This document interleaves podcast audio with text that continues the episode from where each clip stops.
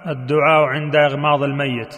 يقول اللهم اغفر لفلان باسمه وارفع درجته في المهديين واخلفه في عقبه في الغابرين واغفر لنا وله يا رب العالمين وافسح له في قبره ونور له فيه